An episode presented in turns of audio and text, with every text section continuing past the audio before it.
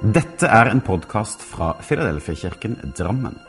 Vi ønsker å være en kirke for alle generasjoner gjennom alle sesonger i livet.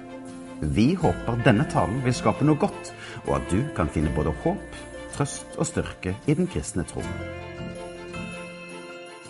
Les mer om vår kirke på filadelfiadrammen.no.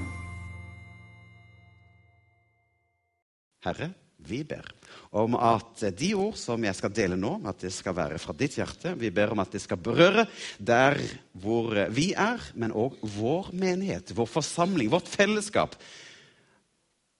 Det ber vi om i Jesu navn. Amen. Så den som har ører, hør, står der i Bibelen. For det er noe med at dette Guds ord er ikke bare for hodet. Dette er også for hjertet. Og vi kan ikke bare lese Bibelen med hodet vårt. Da kan det bli som en vanlig historiebok eller en eventyrbok. Men dette er noe langt mer enn det. For det Guds ord er et levende ord, og det skal òg leses med hjertet vårt. At vi skal med vårt indre altså forstå men høre hva Gud sier til oss i dag. Slik at den historien som ble skrevet for lenge siden, om det var 2000 år siden eller 4000 år siden Det er litt ulike eh, tidsaspekt på når det er skrevet, det som står i Bibelen. Men den historien som er blitt skrevet, kan òg være med å gi gjenklang i våre liv. Her vi bor i dag. Men før jeg skal begynne å preke så har jeg lyst til å si at det er litt eh, gøy for eh, min kone og meg, Karina, fordi at nå har vi kommet ut med en ny bok denne uka, som var til denne konferansen, og den heter da 'En tro som varer'. Vi har altså skrevet en bok for å være med og inspirere mennesker og foreldre til å være med og gi troen videre på en naturlig måte. Så har hadde du lyst til å lese den boka, så står eh, vår datter eh, Rebekka der ute og så selger hvis noen har lyst til å kjøpe med seg den her. Men det jeg har òg lyst til å løfte fram, det er Hverdagsbibelen. Jeg har også tatt med noen eksemplarer av den. fordi at når jeg kommer til å preke, så kommer jeg til å bruke denne bibeloversettelsen. Det finnes ulike bibeloversettelser, og Hverdagsbibelen kom da i eh, forfjor og er en parafrasebibel. Jeg har ikke begynt å preke ennå, så, så, så, slapp helt av. Dette er bare informasjon. Men jeg vil at for deg som har lyst til å få tak i denne bibelen, så har jeg med meg. Fordi at det handler noe om at en parafrasebibel den er ikke ord for ord oversatt. Men den er mer opptatt av innholdet, og så legger man innholdet fram på en lettlest og forståelig måte. Jeg skal forklare litt grann slik at du blir vant med når jeg kommer til å lese framover i den tiden som ligger foran, foran fra denne Bibelen. Så jeg har eh, da eh, vært med på denne Bibelen selv og skrevet studienotatene til denne Bibelen. Men du skal få lov å høre Sten Sørensen, som har eh, sammen med sin kone eh, jobba med selve eh, denne oversettelsen. Så vi ser denne lille filmen. I ti år så har Elspeth og jeg skrevet Hverdagsbibelen. Vi har gjort det topp motivert, for vi er så begeistret for Bibelen. Den trenger vi alle mennesker. Hverdagsbibelen er en ny bibeloversettelse fra første Mosebok til Johannes' åpenbaring, hvor vers for vers er skrevet på nytt igjen ut ifra Bibelen, Guds ord, som på en måte grunntekst. Vi har gjort det fordi vi elsker Bibelen, Guds ord. Vi elsker at dette skal bli en bok som blir levende for generasjoner. Det var en misjonær som sa til meg, som er rundt 75 år gammel, at jeg har skyndet meg å lese Galaterbrevet og Efeserbrevet, og jeg har fått en ny bibel, sa han. Så begeistret var han. Og jeg har snakket med unge mennesker som, som leser og sier at ja, men nå forstår jeg det som står skrevet. Og med de to kommentarene så er vi veldig takknemlige. Da har vi truffet. Dette er en hverdagsbibel hvor du kan ta fram, du kan bli begeistret, og så opplever du Gud taler gjennom denne boken. For det er Guds levende ord. Jeg har fått lov til å jobbe med studienotatene til Hverdagsbibelen pluss. Og der har jeg vært opptatt av at det skal være lett tilgjengelig. Slik at eh, hver bok starter med en oversiktsside hvor eh, du kan få lov til å lese mer om hva denne boka inneholder, og hva forfatteren ønsker å formidle til oss. I tillegg så er det slik at eh, rundt om i bibelteksten så har jeg utheva viktige bibelvers. I tillegg så har jeg skrevet en del bokser, en faktabokser, slik at du skal få lov til å kjenne enda flere sannheter fra Guds ord. Så trenger du en lettlest, inspirerende bibel, så skaff deg en utgave du òg av Hverdagsbibelen pluss.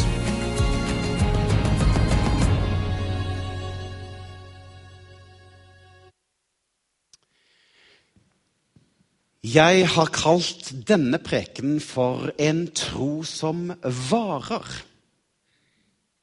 Og jeg har lyst til å lese litt fra Hverdagsbibelen eh, til deg innledningsvis.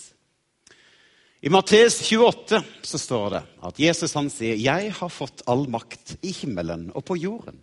'Gå derfor og gjør alle folkeslag til mine disipler.' 'Døp dem i Faderens og Sønnens og Den hellige ånds navn.' 'Lær dem å leve på den måten jeg har gitt befaling om.' Og glem aldri, og glem aldri jeg er med dere alle dager, helt til verdens ende. Misjonsbefalingen handler om å være med og gi dette videre. Og det har du og jeg fått et oppdrag i. Og Vi skal gå til Salme 28, og der står det Det som vi har hørt og kjent og våre fedre har fortalt oss, det vil vi ikke skjule for deres barn. Men for den kommende slekt forkynner vi Herrens pris og Herrens styrke og de underfulle gjerninger som Han har gjort.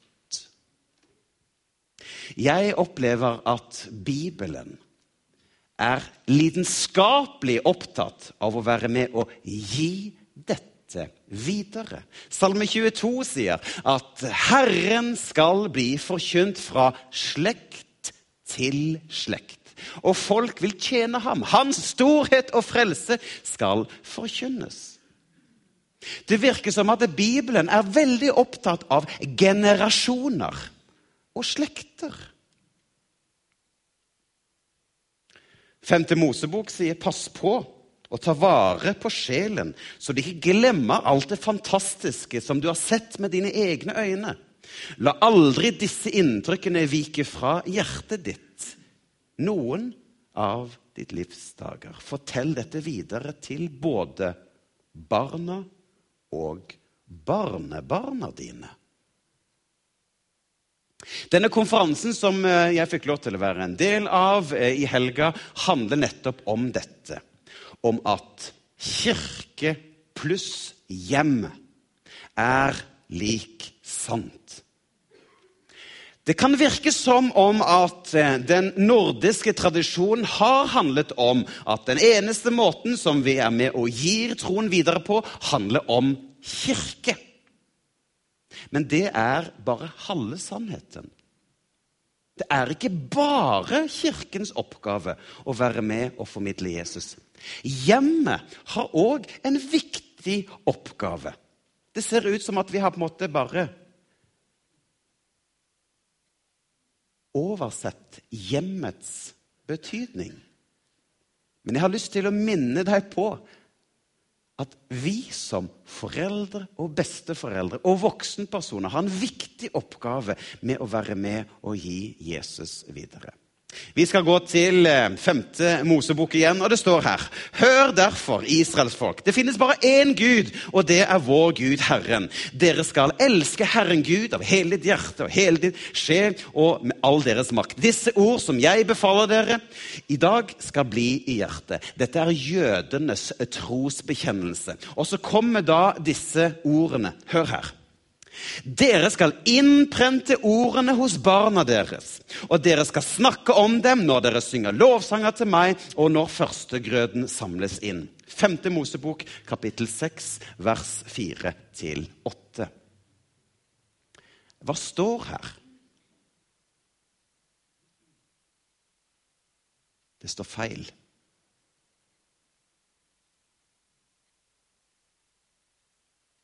Det står feil. Det er jeg som har klussa med teksten. Det er feil, det som står der. Men det kan se ut om at det er slik vi har tenkt. At vi skal være med å inspirere våre barn mens vi synger lovsanger. Og mens første grunn, Jeg tenkte første grunn det er et veldig fint ord for kollekt. ikke sant? Ja. ja, ja. Mens vi er i kirka. Nei, det var ikke disse ordene som Moses fikk. Hva var det Moses fikk? Jo, nå skal jeg si hva som står i Bibelen. Jeg prøvde å lure deg, og veldig mange ble lurt. Unnskyld. Beklager. Ja. Men det som står i Skriften, det er at dere skal innprente, inspirere, påvirke. Disse ordene de skal du tale og snakke om når dere sitter i hjemmene deres, står der i Skriften. Når dere er ute og går på veien, når dere går til sengs, og når dere står opp.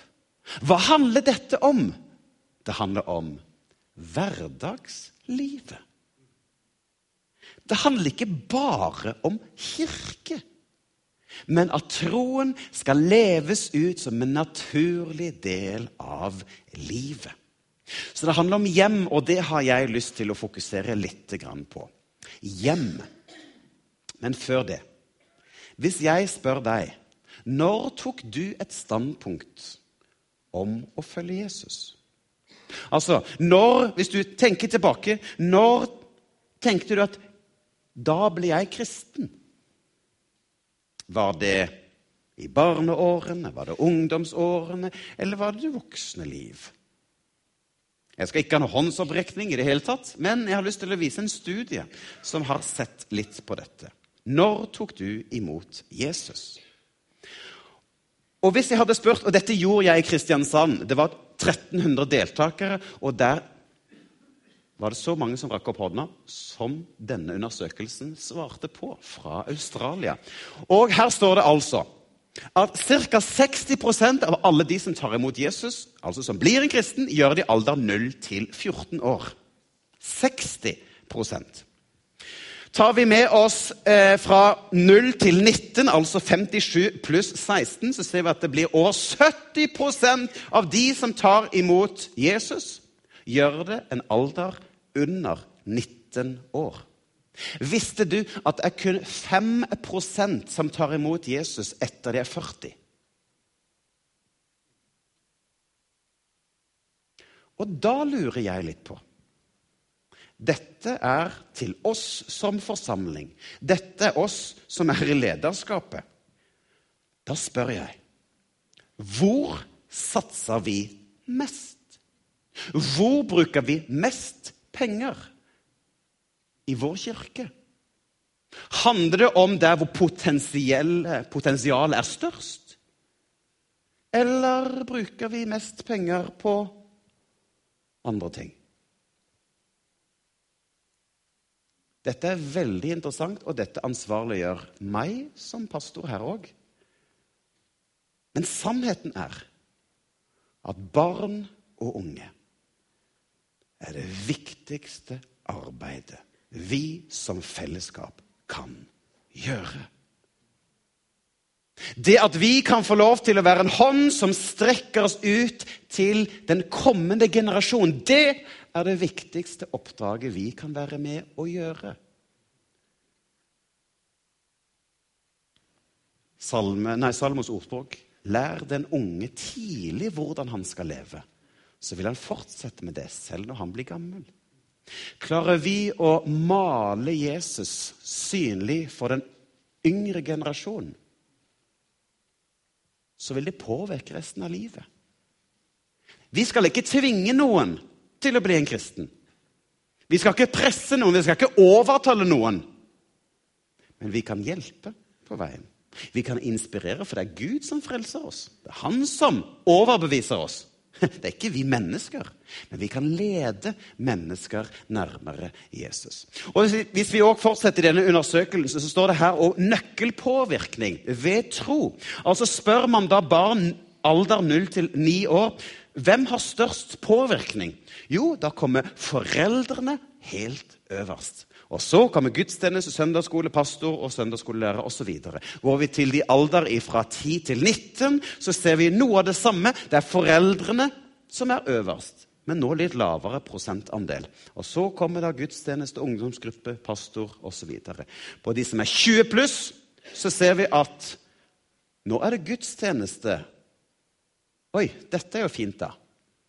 At jeg som pastor har større betydning enn foreldrene. Ja, Vi skal ikke tøyse mye om det, men det viktige for meg er at foreldre er fremdeles viktig. Foreldre er fremdeles viktig. Og hvis man da spør de unge hva har vært viktig for deg i dine foreldres liv når det gjelder dette med videreformidling av tro? Er det det at man har pressa til å gå i kirka? Er det det at man har hatt et eh, fantastisk liv med Gud? Eller hva svarer de unge? De unge selv de svarer at det øverste, altså det som blir mest svart ja på, er deres tro på Gud. Og nummer to måten de levde ut troen på. Så det at vi som voksenpersoner kan være med og leve ut kristenlivet og være hel ved At vi viser med våre ord og gjerninger Guds kjærlighet. Det er det viktigste. At vi er rause med våre barn. At vi kan strekke oss ned til den neste generasjonen. Hvorfor eh, familier lykkes i å overlevere troen. Det var en forsker eh, i eh, USA som har fulgt 3500 mennesker med et aldersspenn på over 100 år. Altså, De første var født på 1800-tallet, og noen av de seneste som han snakka med, var født på 1980-tallet. Og Han spør, og han ser på familier da, som har lykkes med denne overgangen. Og hva er det de svarer er suksessfaktoren for at man fremdeles tror? Og Da svarer de at når barna så og opplevde at foreldrenes tro utgjorde en forskjell, da ga det en positiv påvirkning. En annen erfaring det var at de unge de eh, opplevde at de oftere ville dele samme tro dersom de hadde en tett relasjon med sine foreldre. Så punkt én var at troen utgjorde en forskjell. Punkt to var at de hadde en tett og nær relasjon. Og punkt tre at dersom unge mennesker valgte bort troen, snudde ryggen til kirke, snudde ryggen til Gud, så var det større sannsynlighet for at de vendte tilbake igjen til troen dersom foreldrene var tålmodige og støttende. Interessant. Interessant. Hva gjør vi når noen vender ryggen til kirka, vender ryggen til Gud og sier 'dette vil ikke jeg ha noen ting med å gjøre'? Denne studien her sier at når vi møter andre med Guds nåde og tilgivelse, så er det større sjanse for at de kommer tilbake igjen til troen. Så kan det være at du sitter her og tenker ja, men mine barn bor ikke hjemme lenger. Eller jeg har ikke barn.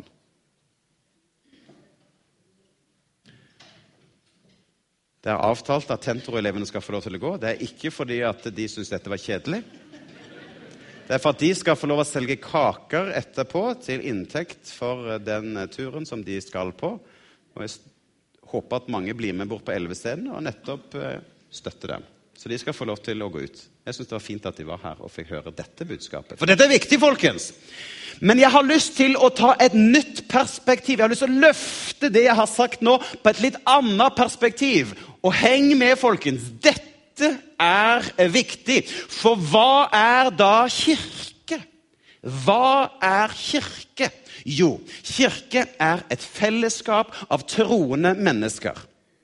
Noen kan føle at de er langt borte fra Gud, noen kan føle at de er nære Gud. Men vi er et fellesskap av helt ordinære, vanlige mennesker som ønsker å komme sammen.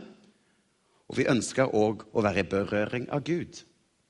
Men det er jo slik at Guds ord sier, Johannes 1, men hver og en som tror på Hans navn og velger å ta imot ham, dem ga han rett til å bli Guds barn.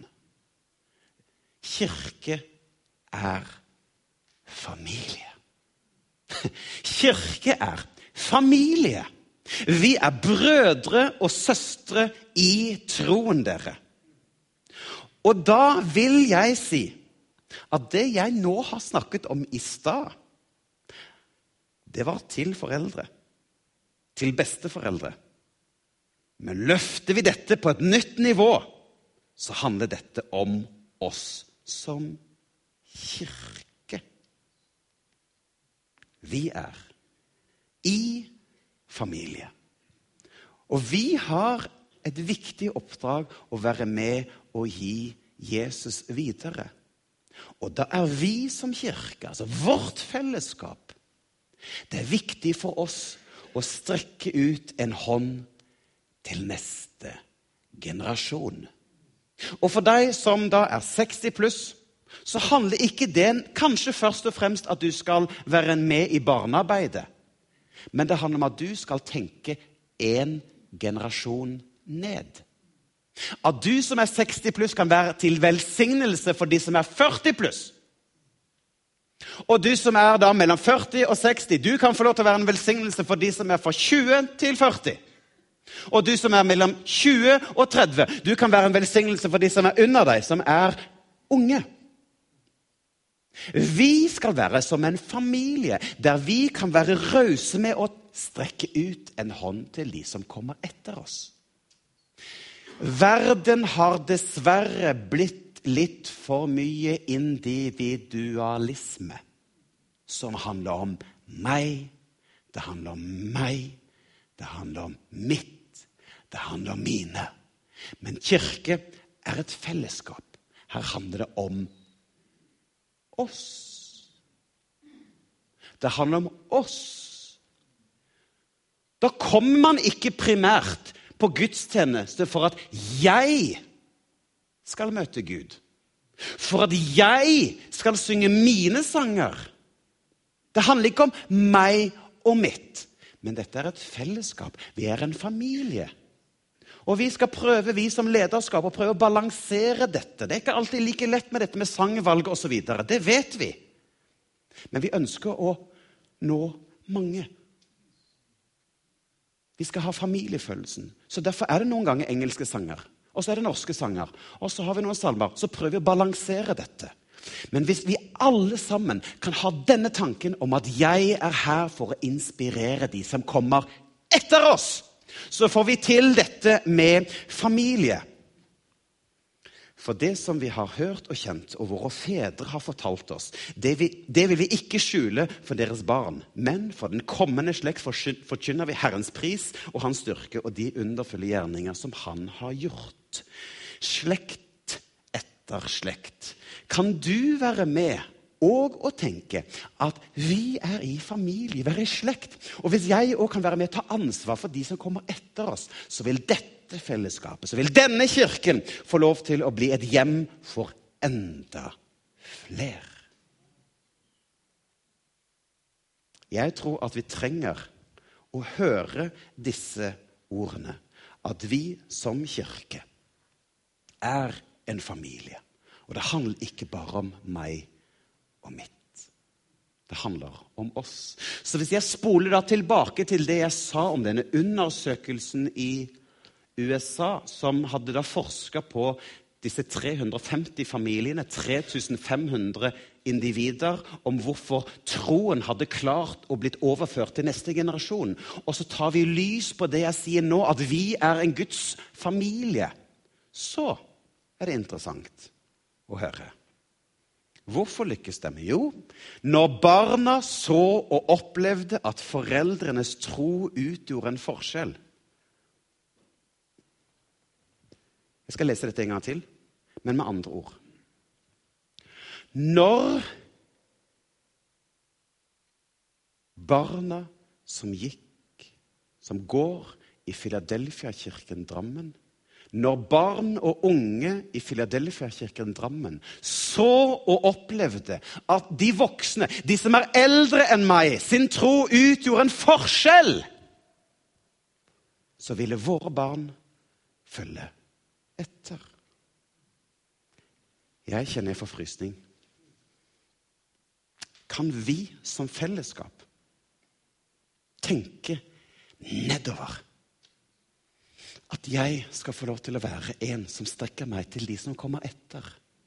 Og hvis mitt liv kan vitne om hvem Jesus er, så kan barna velge den samme tro.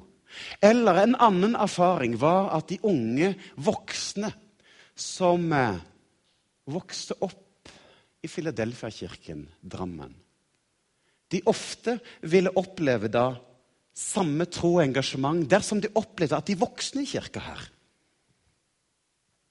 hadde en tett relasjon med dem. Kan vi dette? Kan vår kirke få lov til å være et sted hvor vi heier hverandre fram? Og agendaen er ikke først og fremst at jeg skal få det på min vilje, men at her må vi tenke oss som fellesskap. Og den siste observasjonen var, og denne er viktig, folkens, denne er viktig. Den siste observasjonen var at når unge mennesker som har vært tilknytta vår kirke Hvis de velger bort kirke, hvis de velger bort troen, hva velger vi å gjøre da? Og dette er utfordrende klarer vi å vise Jesu nåde og raushet. Denne undersøkelsen sier at hvis vi klarer å være tålmodige, hvis vi som kirke klarer å være støttende, så er det større mulighet for at de velger å komme tilbake igjen til troen.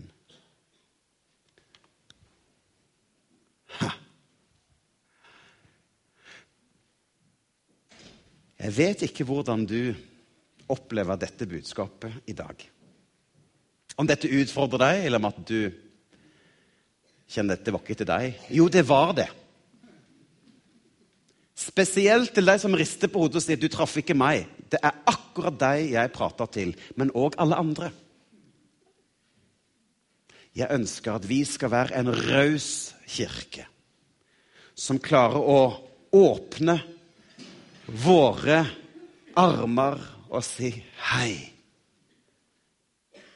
Så fint å se deg. Lenge siden nå. Var hyggelig å se deg. Tenk om vi kan få lov til å være Jesu forlengede armer, som kan være nådefulle i blikk, i ord og i handling.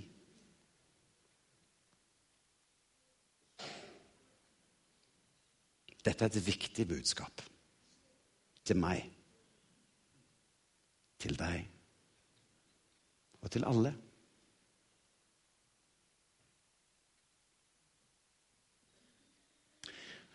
Lovsangene kan få lov til å komme opp.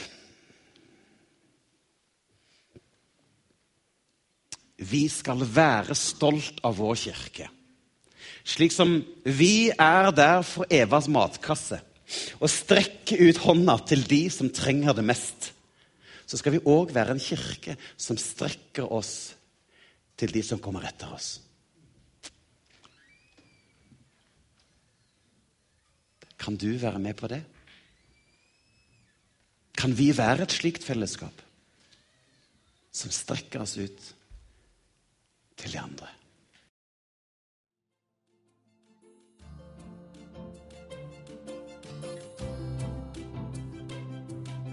Som en avslutning på denne podkasten ønsker vi å lyse Herrens velsignelse over deg.